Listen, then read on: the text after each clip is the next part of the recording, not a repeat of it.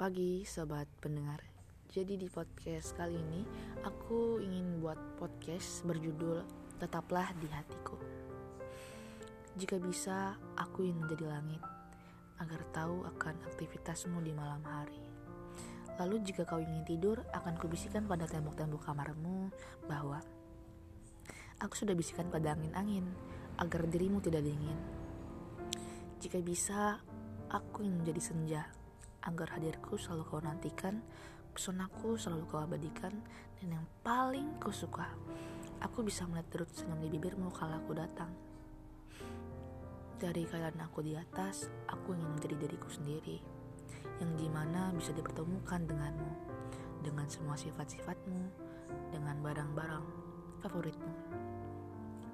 Sayangnya, waktu mengajarkanku untuk bisa menerima realita yang ada yaitu tanpa kamu dalamnya. Tanpa kamu ketika aku belanja. Tanpa kamu ketika aku lagi sendiri.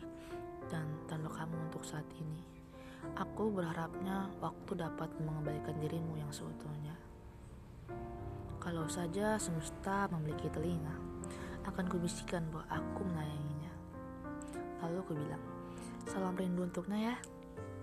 Tidak apa-apa ia merindukan yang lain asal ia sudah sarapan, itu sudah lebih baik bagiku. Sayangnya, semesta ini tidak seperti hayalku. Semesta ialah tempat kita bertemu, tempat aku kembali, dan tempat kau pergi. Hei, kamu udah makan belum? Sekian.